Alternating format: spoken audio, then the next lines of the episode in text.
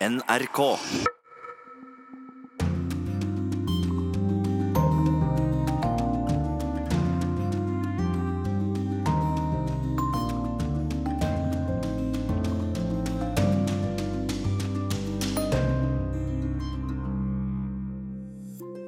Brudd i forhandlingene om en handelsavtale mellom USA og Kina. Unge velgere lot være å stemme i valget i Sør-Afrika.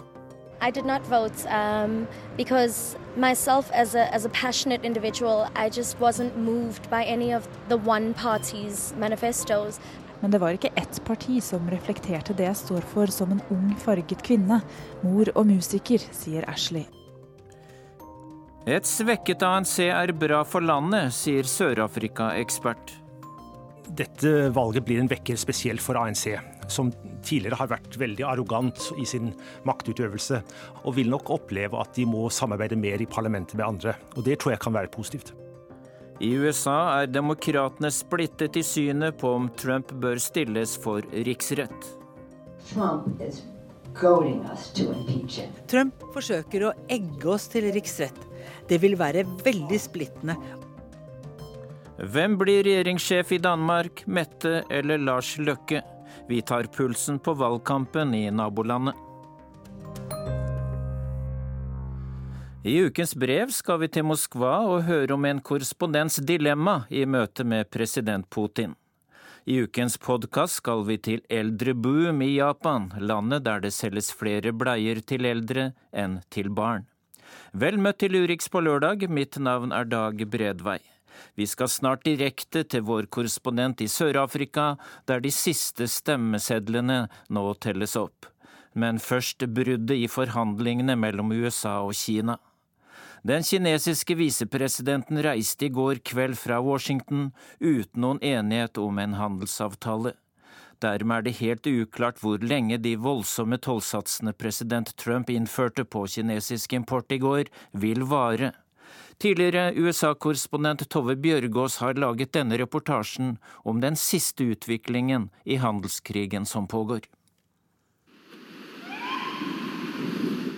I går kveld forlot bilene til den kinesiske delegasjonen et hotell et par kvartaler fra Det hvite hus. Kinas visepresident og hans følge hadde kommet til Washington for å jobbe for et gjennombrudd i handelsforhandlingene. Men når de kommer hjem, vil i stedet de fleste av varene som forlater havner med kurs for USA, bli pålagt 25% toll når de kommer fram. Ikke 10 som var satsen fram til i går morges. While I hope this is short-lived, very short-lived, because it will have an impact on businesses, it'll have an impact on our economy. I think the president is making a right call to stand tough. Jeg håper dette blir veldig kortvarig. President Trump er villig til å gjøre noe ingen amerikansk president har gjort før, for å presse kineserne til forhandlingsbordet.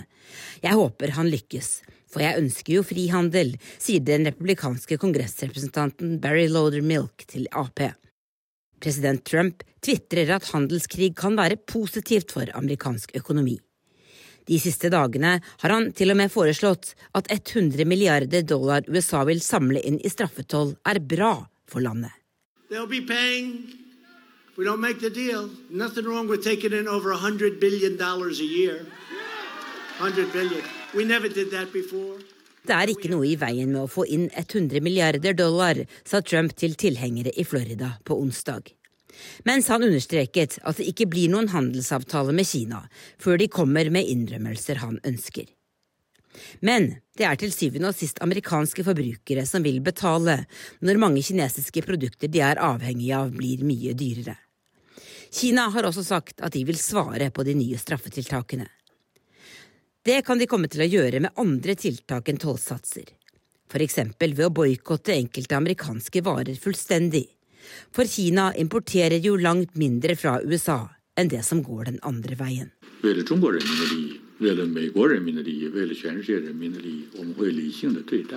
Verken Kina eller det kinesiske folket er redde.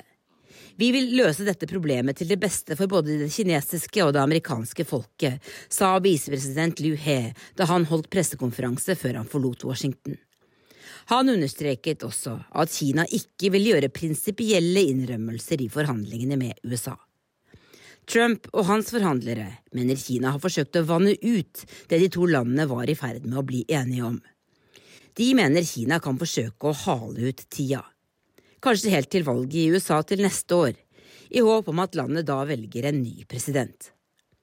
Og verdens suverent største produsent av mye amerikanerne er avhengig av, har slett ikke dårlig tid. Kina vet at de sitter mer og mer i førersetet i forhandlinger om internasjonal handel. Hva som skjer nå, vet ingen. Men i Washington mener eksperter at de langt høyere tollsatsene kan bli langvarige. At dette er en virkelighet amerikanske forbrukere, bedrifter og bønder som får svi når Kina svarer, må bli vant til. Det er nytt territorium for USA. Trump gjør ting amerikanske presidenter ikke har gjort før. Han har hevet handel til toppen av den politiske agendaen. Han har plukket opp frustrasjonen til amerikanere som har tapt i globaliseringskampen. Det var en av de viktigste grunnene til at han ble president. Det understreket hans tidligere sjefstrateg Steve Bannon da han var i Norge denne uka. to number one, and if we can take trade against China and with China, this economic war, from number 100, because it's orthodoxy, about free trade to number two, that, that platform. Vi flyttet handel og innvandring til toppen av den politiske agendaen. Handel lå kanskje på 100.-plass før. Vi flyttet det opp på andreplass, sa Bannon, som mener amerikanske politikere har vært altfor ortodokse i sin støtte til frihandel.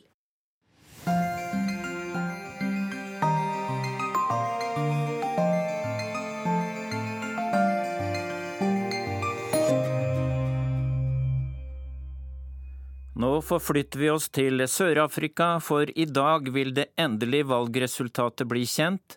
Det som er sikkert er at ANC vinner, men at partiet gjør sitt svakeste valg siden frigjøringen fra tiden med apartheid. Og Afrikakorrespondent Ida Dalbakk, du er i storbyen Johannesburg nå. 95% av stemmesedlene er talt opp og opptellingen er inne i sluttfasen. og Hva er resultatet, Ida Dalbakk? Akkurat nå så ligger ANC mellom 57 og 58% og Det vil da si at over ti millioner har stemt på dette partiet i Sør-Afrika, som har over 50 millioner innbyggere. Og så har du opposisjonspartiet Democratic Alliance. Eh, de har nesten 21% mens det andre opposisjonspartiet Economic Freedom Fighters har nesten 11% Så det er ingen som har nådd opp på samme nivå som ANC. og Det betyr at de går av med seieren, sånn som meningsmålingene antydet på forhånd. Eh, men de har likevel gått eh, litt ned siden forrige nasjonale valg.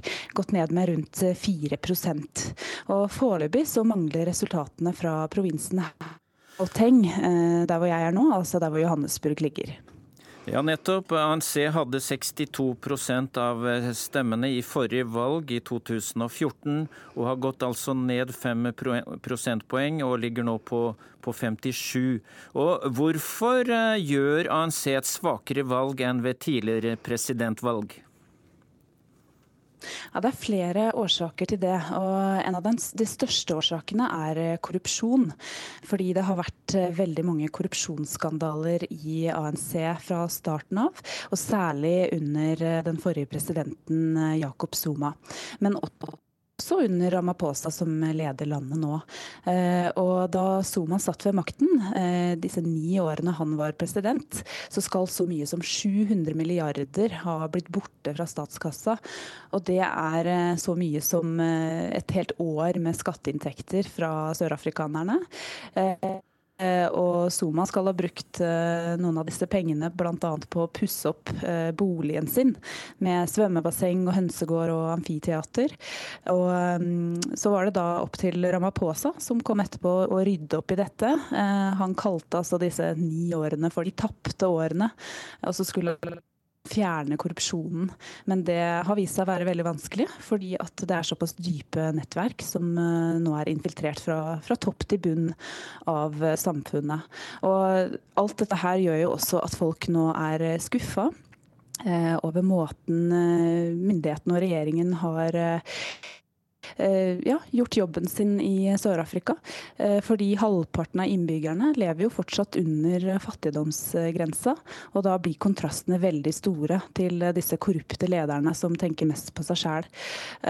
Og det er ofte demonstrasjoner i fattige områder fordi folk rett og slett mangler mangler eh, ordentlige toaletter og rent vann og strøm. Eh, og nå har jo ANC sittet i regjering i 25 år, og det er ganske mange etter hvert som lurer på om det er rette parti til å fortsette å styre landet. Og derfor så har de nok fått færre mm, velgere. Og, og den siste grunnen eh, Hovedgrunnen er det at ANC er ganske splitta innad. Eh, det består av to hovedfraksjoner. og Den ene er tilhengerne til Cyril Ramaphosa, og den andre president Sumas tilhengere. Og Disse uenighetene innad har nok gjort at det har vært vanskelig for folk å, å støtte partiet som, som ett parti, fordi det har vært så splitta. Eh, det er spesielt eh, mange unge velgere denne gang som satt på gjerdet under valget denne uka. og Hvorfor det, Ida? De som jeg har møtt her i Johannesburg, eh, de sier at det er, vanskelig for dem rett og slett å, å identifisere seg med, med, disse partiene som de har i Sør-Afrika i dag. Eh, mange ønsker seg endringer, men eh, de syns at det skjer for sakte. Eh, jeg snakka med en ung mann som var opptatt av at flere svarte burde eie landområder. Men så fortalte han at Eh, nesten 70% av jorda er eid av hvite. Eh, og han syns at eh, politikerne gjør for lite for å skape et mer likeverdig samfunn. For Sør-Afrika er det landet i verden med størst ulikhet mellom fattig og rik fortsatt. Og, de som jeg har snakket med, de unge, de er ganske utålmodige nå. Eh, de som vokser opp i fattige områder, de, for dem så kan det være vanskelig å komme seg opp og fram i samfunnet, fordi familien ikke har råd til å sende dem på gode skoler, da, eh, sånn som mange hvite familier har. Mm. Og så fortsetter forskjellene, rett og slett. Så de har håp om, om større endringer framover. Ja. Du har møtt to unge rappere i storbyen Johannesburg som forteller hvorfor så mange unge er uinteressert i dagens politiske partier i Sør-Afrika. Is democracy about using your voice? Or is it all just an illusion of choice? Left and right, black and white, man, it's all the same thing. It's a false paradigm. They want to keep us caged in. So, of course, people judge them on the color of their skin. But every candidate is just another puppet on a string. Handler demokratiet om å stemme, eller er det bare en illusjon? Rapper Dino Ligeris, eller Power of Thought, som han heter som artist. Han sitter på en kaffebar i hettegenser og svart caps og ser på folkemylderet på gata nedenfor. Onsdag denne uka var det nasjonalt valg i Sør-Afrika, der ANC, som har regjert i 25 år, gikk av med seieren. The fact that the younger generation um, aren't really feeling part of the democratic process, I think that is largely the reason why the ANC has the success that it does.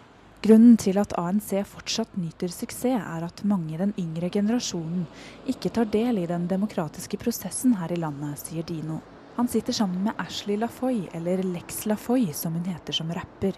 Hun er det sørafrikanerne kaller farget, med gyllenbrun hud, store gulløredobber i ørene og lange, tynne fletter hengende nedover ryggen.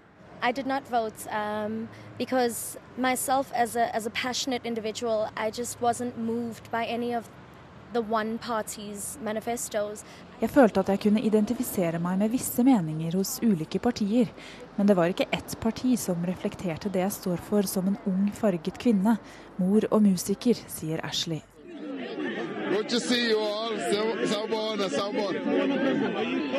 Da president Cyril Ramaphosa ankom valglokalet på onsdag, ble han møtt av jublende tilhengere. Partiet hans har sittet ved makten helt siden apartheidregimet, som segregerte mennesker av ulik rase fram til 1994. Under valget denne uka mistet ANC mange velgere, bl.a. pga. en rekke korrupsjonsskandaler i partiet. I think in the years to, that, um, to follow over the next 20 years, we're going to see a change as the demographics change. De neste 20 årene tror jeg det vil skje endringer i Sør-Afrika. Den yngre generasjonen vil vokse opp og bli mer politisk aktiv, og da vil støtten til ANC gå ned, tror de nå. Ashley nikker og gjør seg klar til å rappe noen ord om valget. Hun mener politikerne må bli flinkere til å skape samhold for at landets innbyggere skal kunne bearbeide traumene fra apartheid-tiden og leve sammen i et multikulturelt samfunn i framtida. For us to heal the African psyche, we will need true psychological healing in order to move through into new, sunny, multicultural, multiracial weather. I tillegg til at ungdommen ikke deltok i valget denne uka, preges valget altså av at ANC har gått tilbake fra forrige presidentvalg. Jan Speed er redaktør i Bistandsaktuelt. Han vokste opp i Durban i Sør-Afrika og flyttet til Norge som ungdom av apartheidregimet der. Speed mener at de unge i Sør-Afrika ikke tenker at de må stemme på Mandelas parti. Velgerne har flere grunner til å være skuffet over regjeringspartiet, sier Speed. ANC har nå sittet ved makten i 25 år, ehm, og i de senere årene opplever folk at det har vært mer og mer korrupsjon og mer og mer maktmisbruk fra ANCs side, og som basistjenester har uteblitt på lokalt nivå. Og er det noe med at eh, Mandela-tiden er over? At eh, folk også følger ikke den lojaliteten til partiet lenger? Ja, det tror jeg at du, Nå har du to generasjoner av de som kalles born frees, folk som er født etter 1994, etter det første frihetsvalget. Og de har ikke den samme mm, lojaliteten til ANCs myte om, den, om å være den store frigjøringsbevegelsen. ANC har en populær partileder og president i landet, Cyril Ramaphosa. Hvem i ANC er det som skaper hindringer for ham i å rydde opp i korrupsjon og andre problemer? Han overtok eh, etter eh, Jacob Zuma, som hadde regjert Sør-Afrika og kjørt Sør-Afrika i grøften i ni år. Han har fortsatt en del tilhengere i partiet. Eh, Bl.a. i, liksom, i lands, lands, landsrådet for ANC er fortsatt dominert av Zumas tilhengere. Og bl.a. generalsekretæren i partiet er også en Zuma-tilhenger. Så Du har en situasjon hvor det er en del folk veldig sentralt i ANC som i likhet med Zuma frykter at de kan havne i fengsel for, på korrupsjonsanklager. Vi hører at opposisjonspartiet Democratic Alliance ser ut til å gjøre det bra. De ligger rundt 22% av stemmene nå. Og ser du for deg at partiet en dag kan få regjeringsmakt? Nei, jeg tror aldri um, Democratic Alliance vil, vil, klare å få den, den, stillingen, rett og slett fordi de har fortsatt en, en bakgrunn fra at det var et hvitt parti med, med hovedsakelig hvite velgere. Uh, mens det mer venstreradikale, populistiske Economic Freedom Fighters har kommet, kommet litt opp. Og, um, og, det er for så vidt um, ikke nødvendigvis positivt, i og med at IFF ledes av en demagog og en person som er nok like korrupt og, og, og, har samme holdninger som foregående president Zuma. Ja, Han var tidligere leder for ungdomspartiet? Ja, og ble sparket ut av ANC av Cyril Ramaphosa, den nåværende presidenten. I forbindelse med valget har Nick Volpe i Sør-Afrika skrevet en kronikk for Fellesrådet for Afrika om at valget er en ny sjanse for mange til å løfte blikket og returnere til verdiene fra Mandela, som han skriver. Eh, og har du, Speed, tro på en positiv holdningsendring hos politikerne? Ja, jeg tror at dette valget blir en vekker spesielt for ANC, som tidligere har vært veldig arrogant om, uh, i sin maktutøvelse. Og nå tror jeg de kommer til å bli tvunget til å inngå en del eh, koalisjonssamarbeider i, i, på provins, provinsnivå, og, og, vil nok oppleve at de må samarbeide mer i parlamentet med andre. Og det tror jeg kan være positivt. Mm. Volpi skriver videre at det fortsatt er et håp om at politikere kan bli folkets tjenere. Og ser du et slikt håp der framme i det fjerne for ditt gamle hjemland? Ja, liksom, det, det faktum at man klarte å stanse Jacob Zuma og hans um, herjering. Det liksom var skyldes til dels sivilsamfunnet, um, til dels pressen og veldig mye domstolene. Uh, det man håper på nå, er at også parlamentet og de folkevalgte vil ta sitt ansvar. Det er 25 år siden slutten på apartheid, og Mandela ble valgt som landets første demokratisk valgte president. Hvordan eh, står det til med demokratiet i Sør-Afrika? Både og, for å si det sånn. Eh, det er noen institusjoner, som eh, domstolene, pressen, en del av det sivilsamfunnet, fagbevegelsen, som står sterk og viser at, at, demokratiet er levende. Og bare dette valget viser, viser det. Det var jo 40 partiet som stilte til valg. Det som har vært liksom den store svakheten, er på en måte de store partiene som har hatt en tendens til å være mer opptatt av å krangle med hverandre enn å komme med konkrete løsninger. Hvor viktig er Sør-Afrika både politisk og økonomisk for landene i regionen, og for kontinentet? For landet i regionen er Sør-Afrika det helt avgjørende og viktigste, viktigste, landet. Ehm, hva som skjer i Sør-Afrika påvirker hva som skjer i Zimbabwe, ehm, Namibia. Alle, alle landene er på en måte litt sånn avhengig av, av det som skjer i Sør-Afrika, og ser til Sør-Afrika for løsninger det som har skjedd med, både med dette valget og, og fram, framover, vil, er et eksempel til etterfølgelse for, for nabolandet. Eh, det at Sør-Afrika har jo en fri presse. Du har ingen undertrykkelse eller fengsling av opposisjonelle. Bare det i seg selv er, en, er et eksempel til etterfølgelse.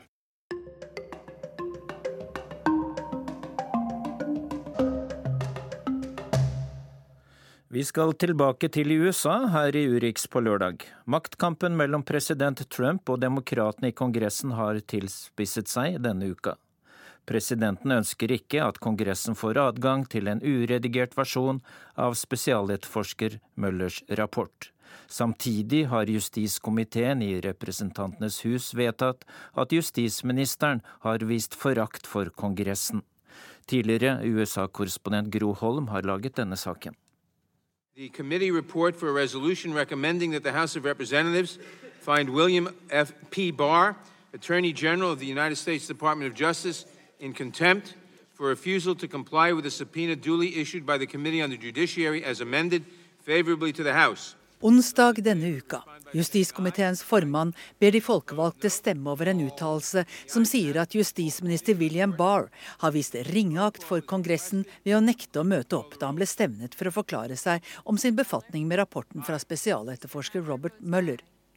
Han nektet dessuten å gi Kongressen en usensurert utgave av Møller-rapporten om forbindelsene mellom Russland og Donald Trumps nære medarbeidere rundt presidentvalget i 2016. Senere skal hele Representantenes hus stemme over et lignende vedtak, og det demokratiske flertallet kommer temmelig sikkert til å konkludere med at Trumps justisminister har visst ringeakt. Men Trumps pressetalskvinne synes at kravet om at de folkevalgte skal få tilgang til en uredigert versjon av rapporten, er helt absurd. Uh, look, I think it's so absurd this idea that Congress doesn't get to see uh, the Mueller report. In fact, there's a less redacted version of the Mueller report sitting there waiting on them to come and look at. Not a single Det ligger jo en mindre redigert versjon av Mueller-rapporten og venter på dem, men ikke en eneste demokrat har tatt seg tiden til å se på dem, sier Sarah Sanders. Og det har hun for så vidt rett i, for demokratene lar seg ikke avspise med litt mindre sladding av rapporten. De vil se hele, også dokumentene som ligger til grunn for rapporten. Demokratene mener også at justisminister William Barr snakker usant når han hevder at rapporten ikke gir grunnlag for å si at president Trump har forsøkt å hindre etterforskningen. Møller-rapporten dokumenterer flere slike forsøk, og Møller selv har skrevet to brev til justisministeren, der han har sagt seg uenig i Barrs sammendrag. I brevs form har Møller derfor bedt om at sammendraget forfatterne selv skrev, må offentliggjøres. Men det nekter justisministeren å gjøre. Barr sier også at han er uenig i Møllers syn på hva det innebærer å hindre etterforskningen.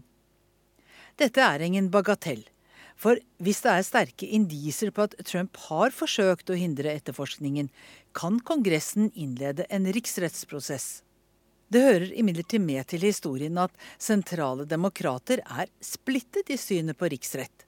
Senator Elizabeth Warren er for. Robert Mueller makes clear that the president of the United States worked actively to obstruct justice.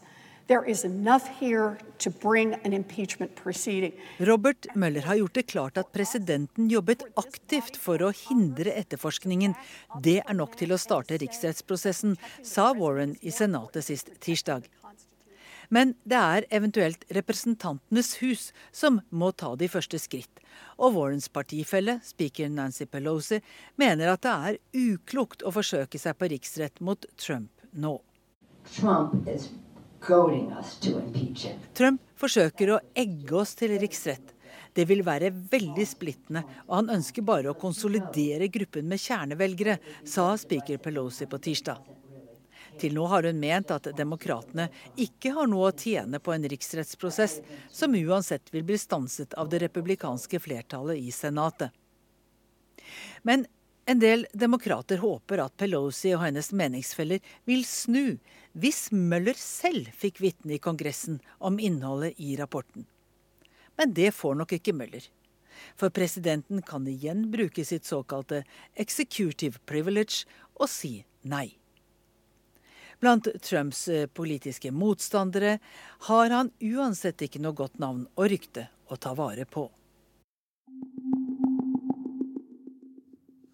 Da Danmarks statsminister Lars Løkke Rasmussen denne uka annonserte valg 5.6, tok han sin erkerival i det danske Arbeiderpartiet Mette Fredriksen på senga, bokstavelig talt. Nå er begge på bena, og en knallhard duell er i gang, der mye kan skje på fire uker. Må jeg bare være ærlig og si utrolig deilig å være i gang med å føre valgkamp. Endelig. Har du fått kreftene tilbake? Ja. Så var hun endelig tilbake på bena. Sosialdemokratiets partileder Mette Fredriksen, som måtte legges inn på sykehus denne uken pga. matforgiftning. Men nå er jeg her heldigvis. På gamle trakter i Aalborg i går, der hun selv vokste opp, ba hun skoleelevene ved Aalborg katedralskole om en tjeneste. Hvis jeg nå kan få de voksne med på de her tre ting klima, utdannelse og vi skal passe bedre på våre barn, så skal dere hjelpe meg med to ting. For det første så har vi behov for å få ansatt noen flere til å passe på våre gamle. Nå vil 41-åringen ha danskene med på å bygge bro mellom generasjoner. Få de unge til å være solidariske med de eldre. Slik at arbeidere som har slitt lenge, kan ta tidlig pensjon. Men også få de eldre til å være solidariske med de unge ved å bl.a. ansette flere til å ta vare på de aller minste i barnehagene, og rette fokus mot klimaspørsmål. Det håper jeg. Men først og fremst handler det nå om å fremstå som en samlende statsministerkandidat som kan lede landet. I kampen om statsministerposten med den politiske tungvekteren Lars Løkke Rasmussen på borgerlig side. Opbrud kalder på samling. Rystelser fordrer stabilitet. Usikre tider krever et erfarent, robust og ansvarlig lederskap. For det var med fokus på sterkt lederskap at Løkke satte inn støtet denne uken, da han tirsdag annonserte at årets valg vil falle på den symboltunge grunnlovsdagen 5. juni. For meg handler det jo om å komme ut nå og tale med danskerne om, om hva de har. Altså, Tidlig neste morgen var han allerede ute på gaten for å møte velgere med pressen på slep. Altså, tror, du, tror du virkelig det her med lederskapet det blir det avgjørende temaet i valgkampen? i virkeligheten? Altså, det er jo det valget, når man laver et konsentrat, handler om. Altså, Hvem er det der skal lede det her land? Hvem er det man betror det ansvar? Nå satser han alt, for pilene har lenge pekt i feil retning for den 54 år gamle partilederen for Venstre. Og da han ikke trodde det kunne bli verre, ser man nå at de tre nye partiene, Stram kurs, Nye borgerlige og Klaus Riskjær Pedersen, kan stikke av gårde med opp mot 7% av stemmene, som normalt ville gå til de etablerte partiene på borgerlig side.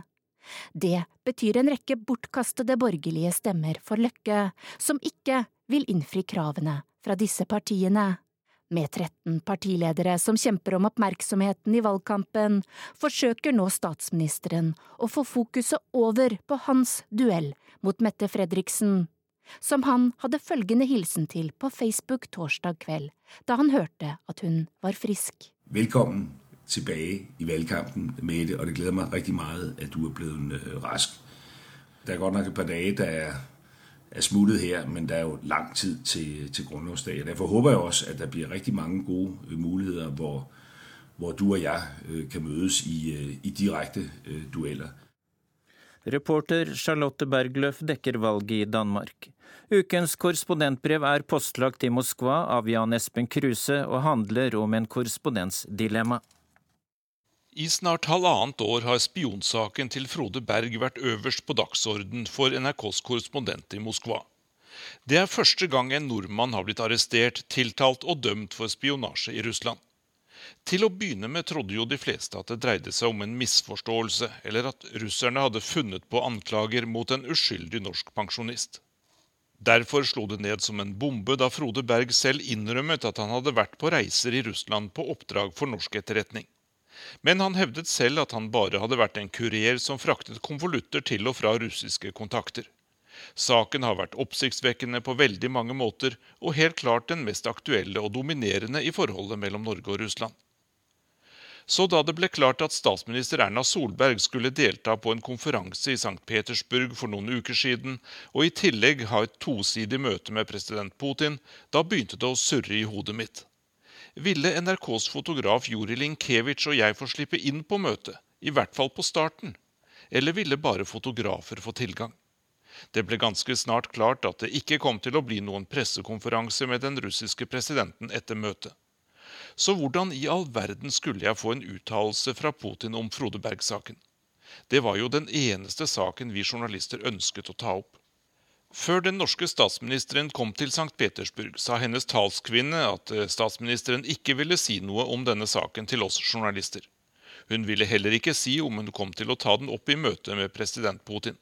Begrunnelsen var at det ville være best for Frode Bergs sak og for hans familie å ikke kommentere den offentlig. Det russiske utenriksdepartementet hadde satt av en person til å følge oss norske journalister under besøket i St. Petersburg. Vedkommende gjorde det helt klart at det ifølge protokollen var strengt forbudt å stille noen spørsmål i løpet av de minuttene vi fikk være til stede i starten av møtet mellom Solberg og Putin.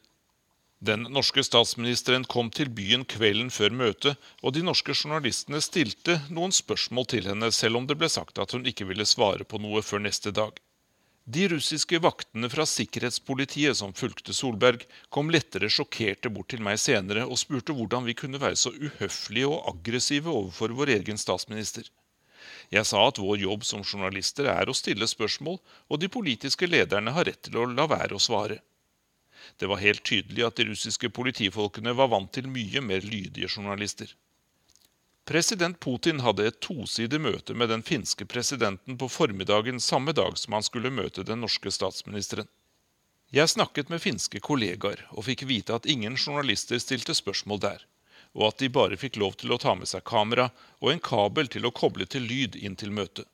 Ingen mikrofoner og ingen apparater til å sende video direkte. Alt var veldig strengt. Men det som gjelder i det ene øyeblikket, gjelder ikke nødvendigvis i det neste her i Russland. Vi norske journalister fikk ta med både det ene og det andre. Vi ble ledet inn i det forholdsvis lille rommet der møtet skulle finne sted. Jeg så at avstanden fram til stolene der hovedpersonene skulle sitte, ikke var mange meter.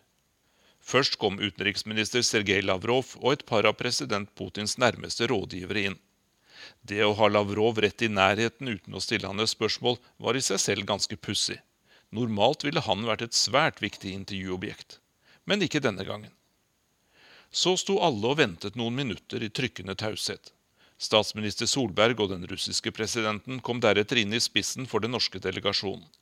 De satte seg ned på stolene i sentrum, og president Putin snakket først om Russlands og Norges felles interesser, spesielt i Arktis. Det samme gjorde Solberg, og understreket norsk takknemlighet for at Den røde hær frigjorde Øst-Finnmark fra tyskerne under den andre verdenskrig. Mens de to snakket, arbeidet hjernen min på høytrykk. Skulle jeg våge å stille et spørsmål med en gang Solberg var ferdig med å snakke? Skulle jeg bare kaste ut et spørsmål og håpe på å få napp? Eller skulle jeg spørre president Putin først om jeg kunne få stille et spørsmål? Hvor alvorlig er dette bruddet på den diplomatiske protokollen? Hvilke problemer risikerer jeg å få med russiske myndigheter etterpå? Og tenk hvis Putin svarer at han ikke kjenner til saken om Frode Berg. Da blir det en kinkig situasjon både for han og for meg vil et spørsmål føre til en dårligere atmosfære på dette 40 minutter lange og viktige møtet. Så kom den lille pausen der det var meningen at journalistene skulle ledes ut av rommet. Jeg tok en rask avgjørelse. Jeg sa, herr president, tillater De at jeg stiller et spørsmål fra norsk side? Den russiske statslederen trakk litt på skuldrene og nikket. Jeg fortsatte. Russland anklager en nordmann for spionasje. Hvordan kan dette problemet løses? Putin svarte. Vi må vente på rettens behandling som i et hvilket som helst annet land. Retten avgjør hos oss hvilken straff det skal bli, menneskets skyld eller ikke skyld.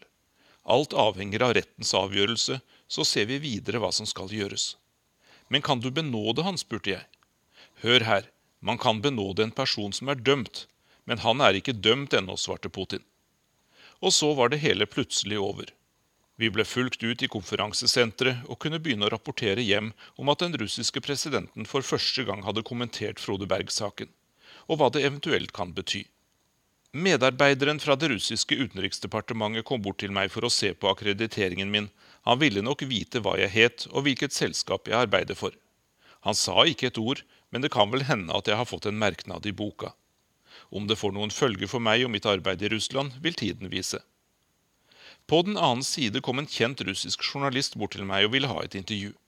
Jeg vet at han arbeider for et program som heter Moskva, Kreml, Putin. Det går i beste sendetid på søndag kveld og viser det som skjer i kulissene rundt den russiske presidenten.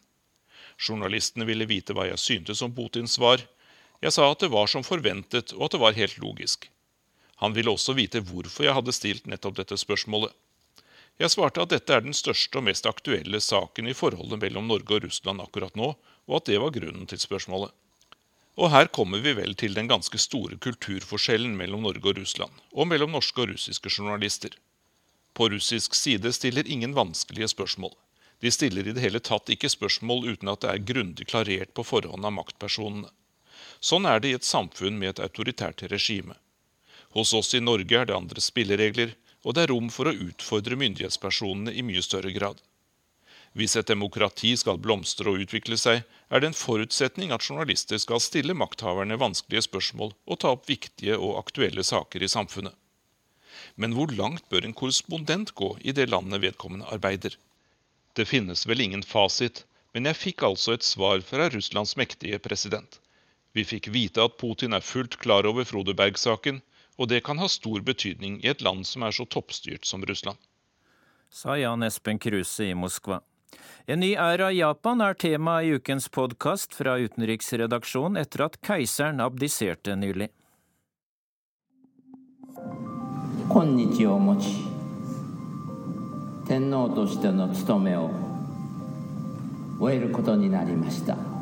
Keiseren av Japan var gammel, sliten og orka ikke å gjøre jobben sin mer. Så da fikk han slippe og Japan har fått ny keiser og begynt på en helt ny tidsregning. Men hva hjelper det, når folk flest også er gamle og slitne og lurer på hvem som skal gjøre jobben framover? For Japan er faktisk landet med verdens eldste befolkning. Nå selger de flere bleier til de gamle enn de gjør til ungene sine. Krig og fred med Tove Bjørgaas og Tore Moland.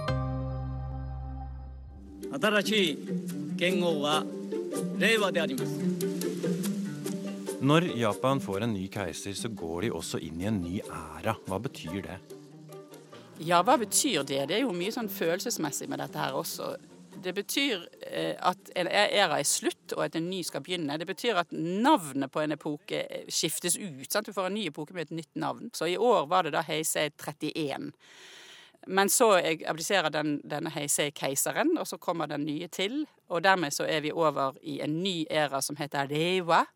Vi er altså nå i Reiwa år én. Så nå begynner liksom ny tidsregning, kan du si. Så det setter seg nok en slags sånn, sånn nytt kapittel.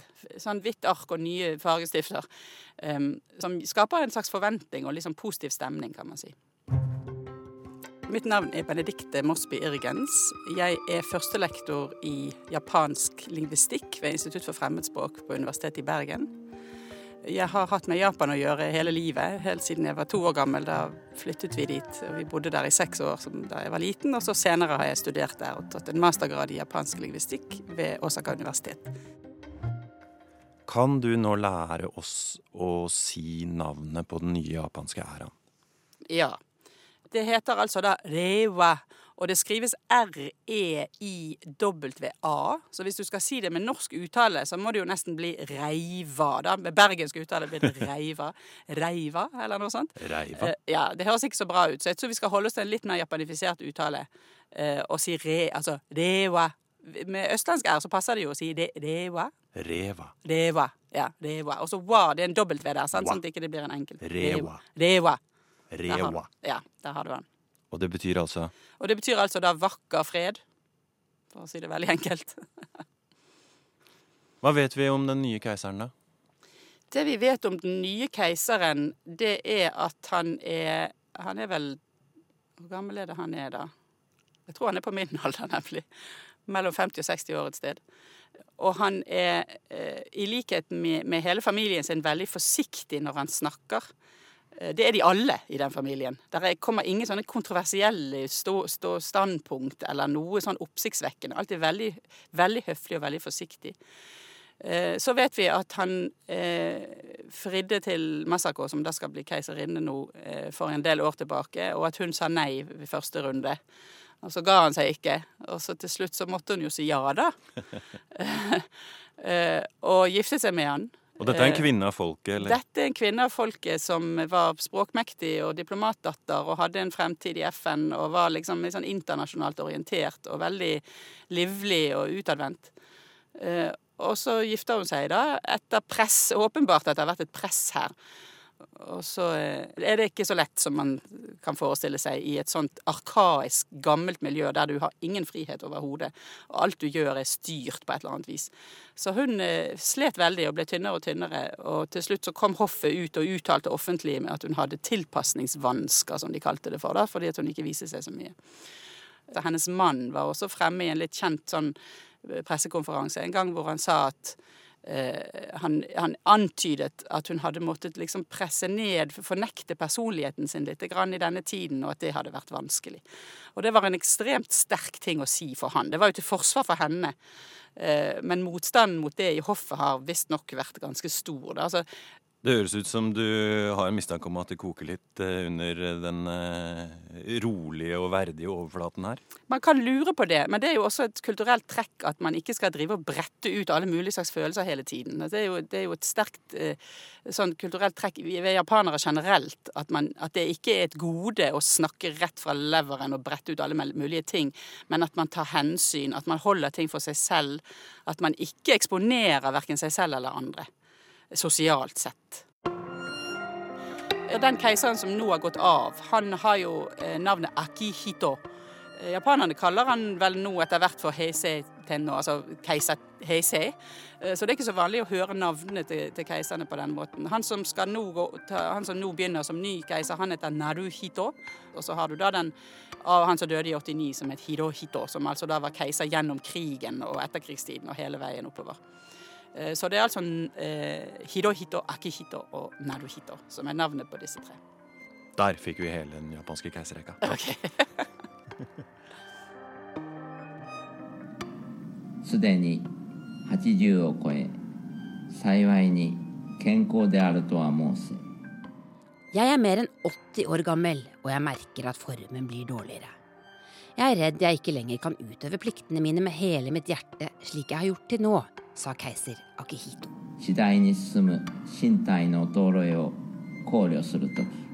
Det var august 2016, og keiseren av Japan ba rett og slett om å få lov til å slippe å være keiser lenger.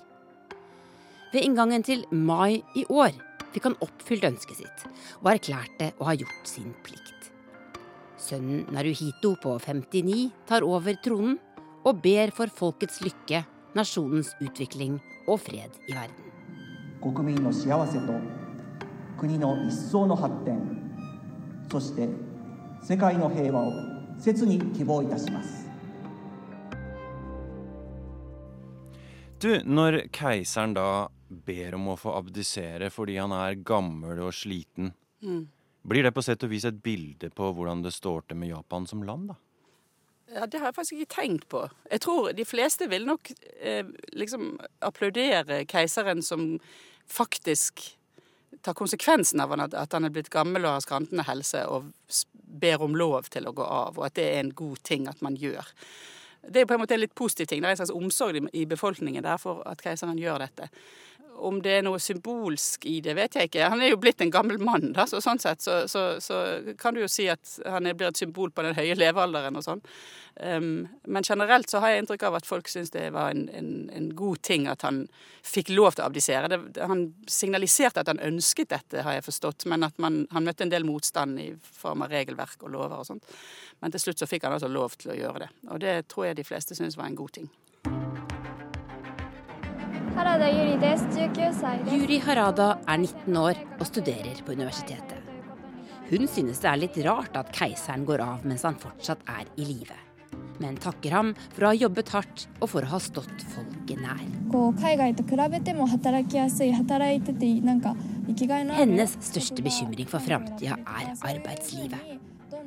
Juri håper på nye lover som kan gi Japan et bedre arbeidsmiljø, og unge som henne selv et mer meningsfylt og tilfredsstillende liv.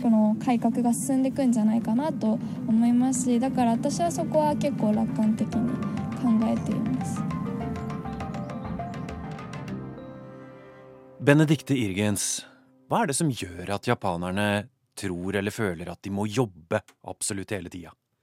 Ja, det er jo en slags sånn etikk som ligger i at man skal stå på, man skal gi alt man har. Og så blir det en slags kultur av dette her som gjør at det er en stemning på enhver arbeidsplass som er sånn at hvem er det som gir mest? Hvem er det som står på mest? Og så oppstår det en form for konkurransesituasjon som eh, til dels er veldig destruktiv.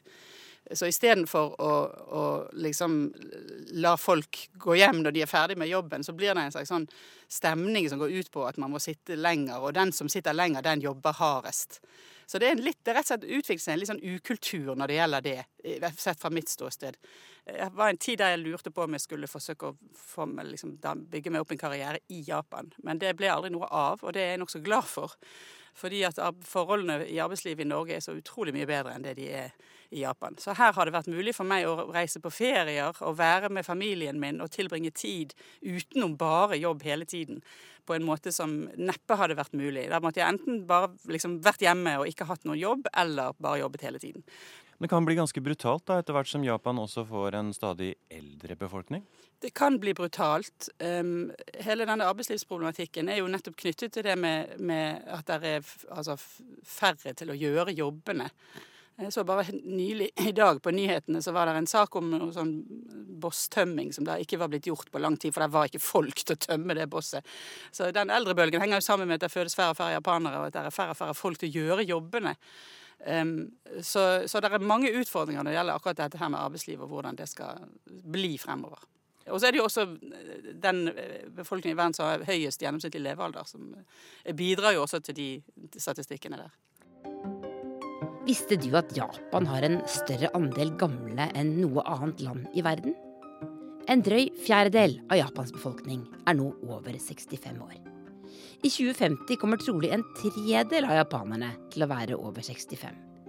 12% av alle i arbeidslivet er 65 eller eldre. Og inkontinens er et stort problem i den aldrende befolkningen. Så stort at Japan nå selger flere bleier i voksenstørrelse enn til barn.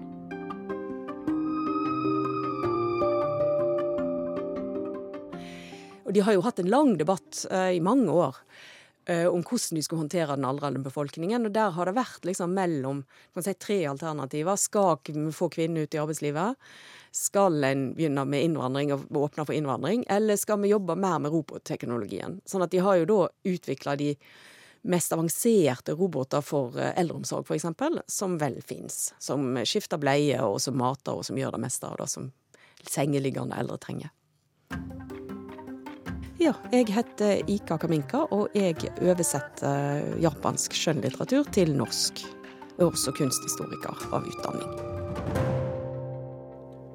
Hva har denne gamle og stadig eldre befolkningen å si for måten det japanske samfunnet fungerer på? Det har jo hatt to helt konkrete konsekvenser i det siste. Det ene er eh, da en politikk om å få flere kvinner ut i arbeidslivet. Det har ført til 20 000 nye barnehageplasser. Det har ført til noen lovendringer når det gjelder eh, arbeidsmiljø og den type ting. Fordi man rett og slett trenger kvinnene? Du er helt nødt til å få dem med.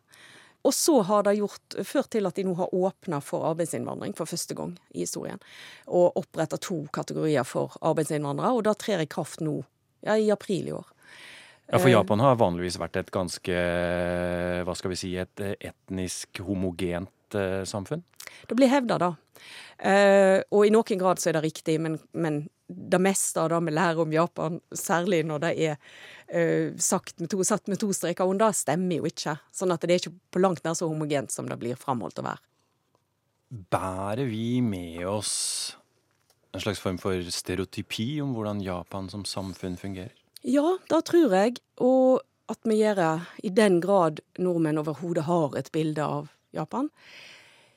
Og jeg tror at noe av problemet der er at så mye av den kunnskapen vi har om Japan, i Norge og i store deler av Europa, kommer fra USA. Det var amerikanerne som etter den andre verdenskrig begynte å studere Japan på, på alvor.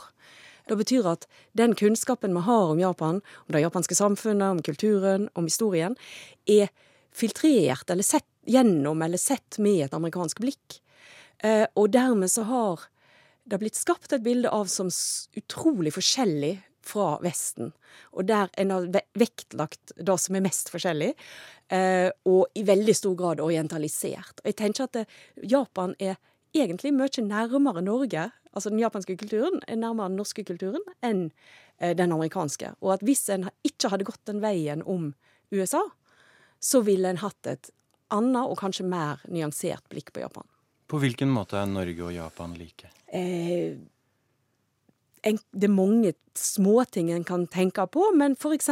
hele den holdningen til å være forskjellig, eh, til eh, et samfunn som li, Altså likhet. Eh, janteloven. Japan har sin egen jantelov. Eh, den spikeren som stikker ut, skal hamres inn, heter det.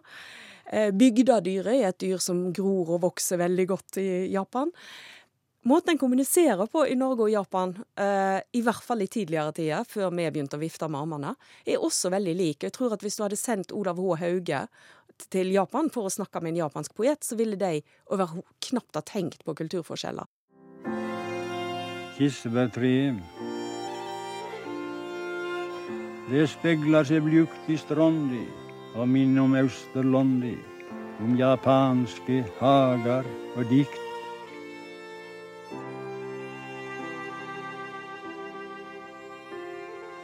Altså dette med ikke å vise følelser, med å være ganske taus og si litt innimellom. Altså, det er noe som er ganske likt mellom de to landene. Så Japan er litt sånn som bygda i Norge for 60 eller 70 eller 80 år siden? Deler av den. Altså Den japanske tradisjonelle kulturen kan være da. Men så er det jo andre ting som er helt forskjellige. Altså, for eksempel? Høfligheten. Eh, og, og vennligheten. Altså Japan er et utrolig danna, høflig, imøtekommende land som er fullt av sånn høflighetsfrase som får alt sosialt samvær til å gli veldig glatt. En Smørning på alt samvær. Hva liker du dårligst med Japan, da? Kanskje det samme som jeg liker best. Altså at det er så trygt, gjennomorganisert, så høflig, alle er så vennlige. Eh, det er så lett å være der. Det betyr også at det er veldig vanskelig å egentlig komme inn under huden på landet. Og eh, bli godtatt som en del av det. Og eh, jeg tror nok det er like dårligst med Japan. Det er ting som bare en føler på når en er der over tid. Og som kan ligne på det som en del innvandrere føler på her, nemlig at du blir aldri akseptert som en del av samfunnet. Jeg hadde en periode der jeg jobba i et helt alminnelig firma og pendla hver morgen sånn som alle andre. En time hver vei eller halvannen. Og da ble det veldig sånn påfallende når jeg hver dag på vei til jobb ble møtt av småunger som pekte på meg og sa 'geijing, geijing', som betyr utlending, utlending. som liksom understreker at du må ikke tro du får plass her, liksom.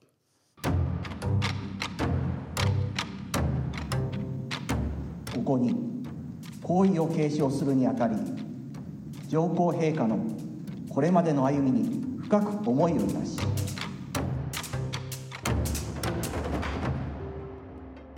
Ika Kaminka, hvordan har dette keiserskiftet sett ut fra ditt ståsted?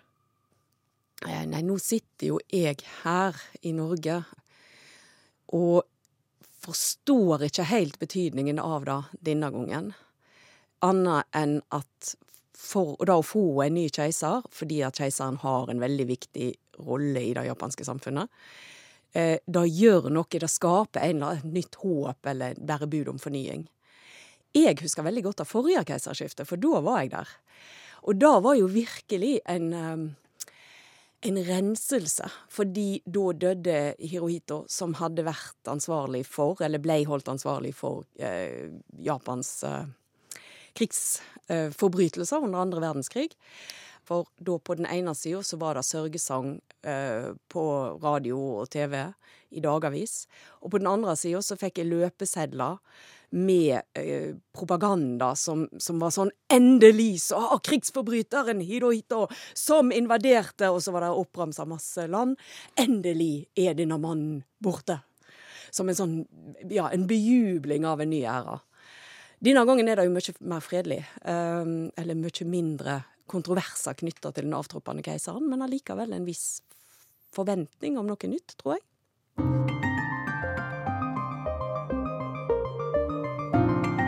Du har hørt podkasten Krig og fred fra NRK Urix.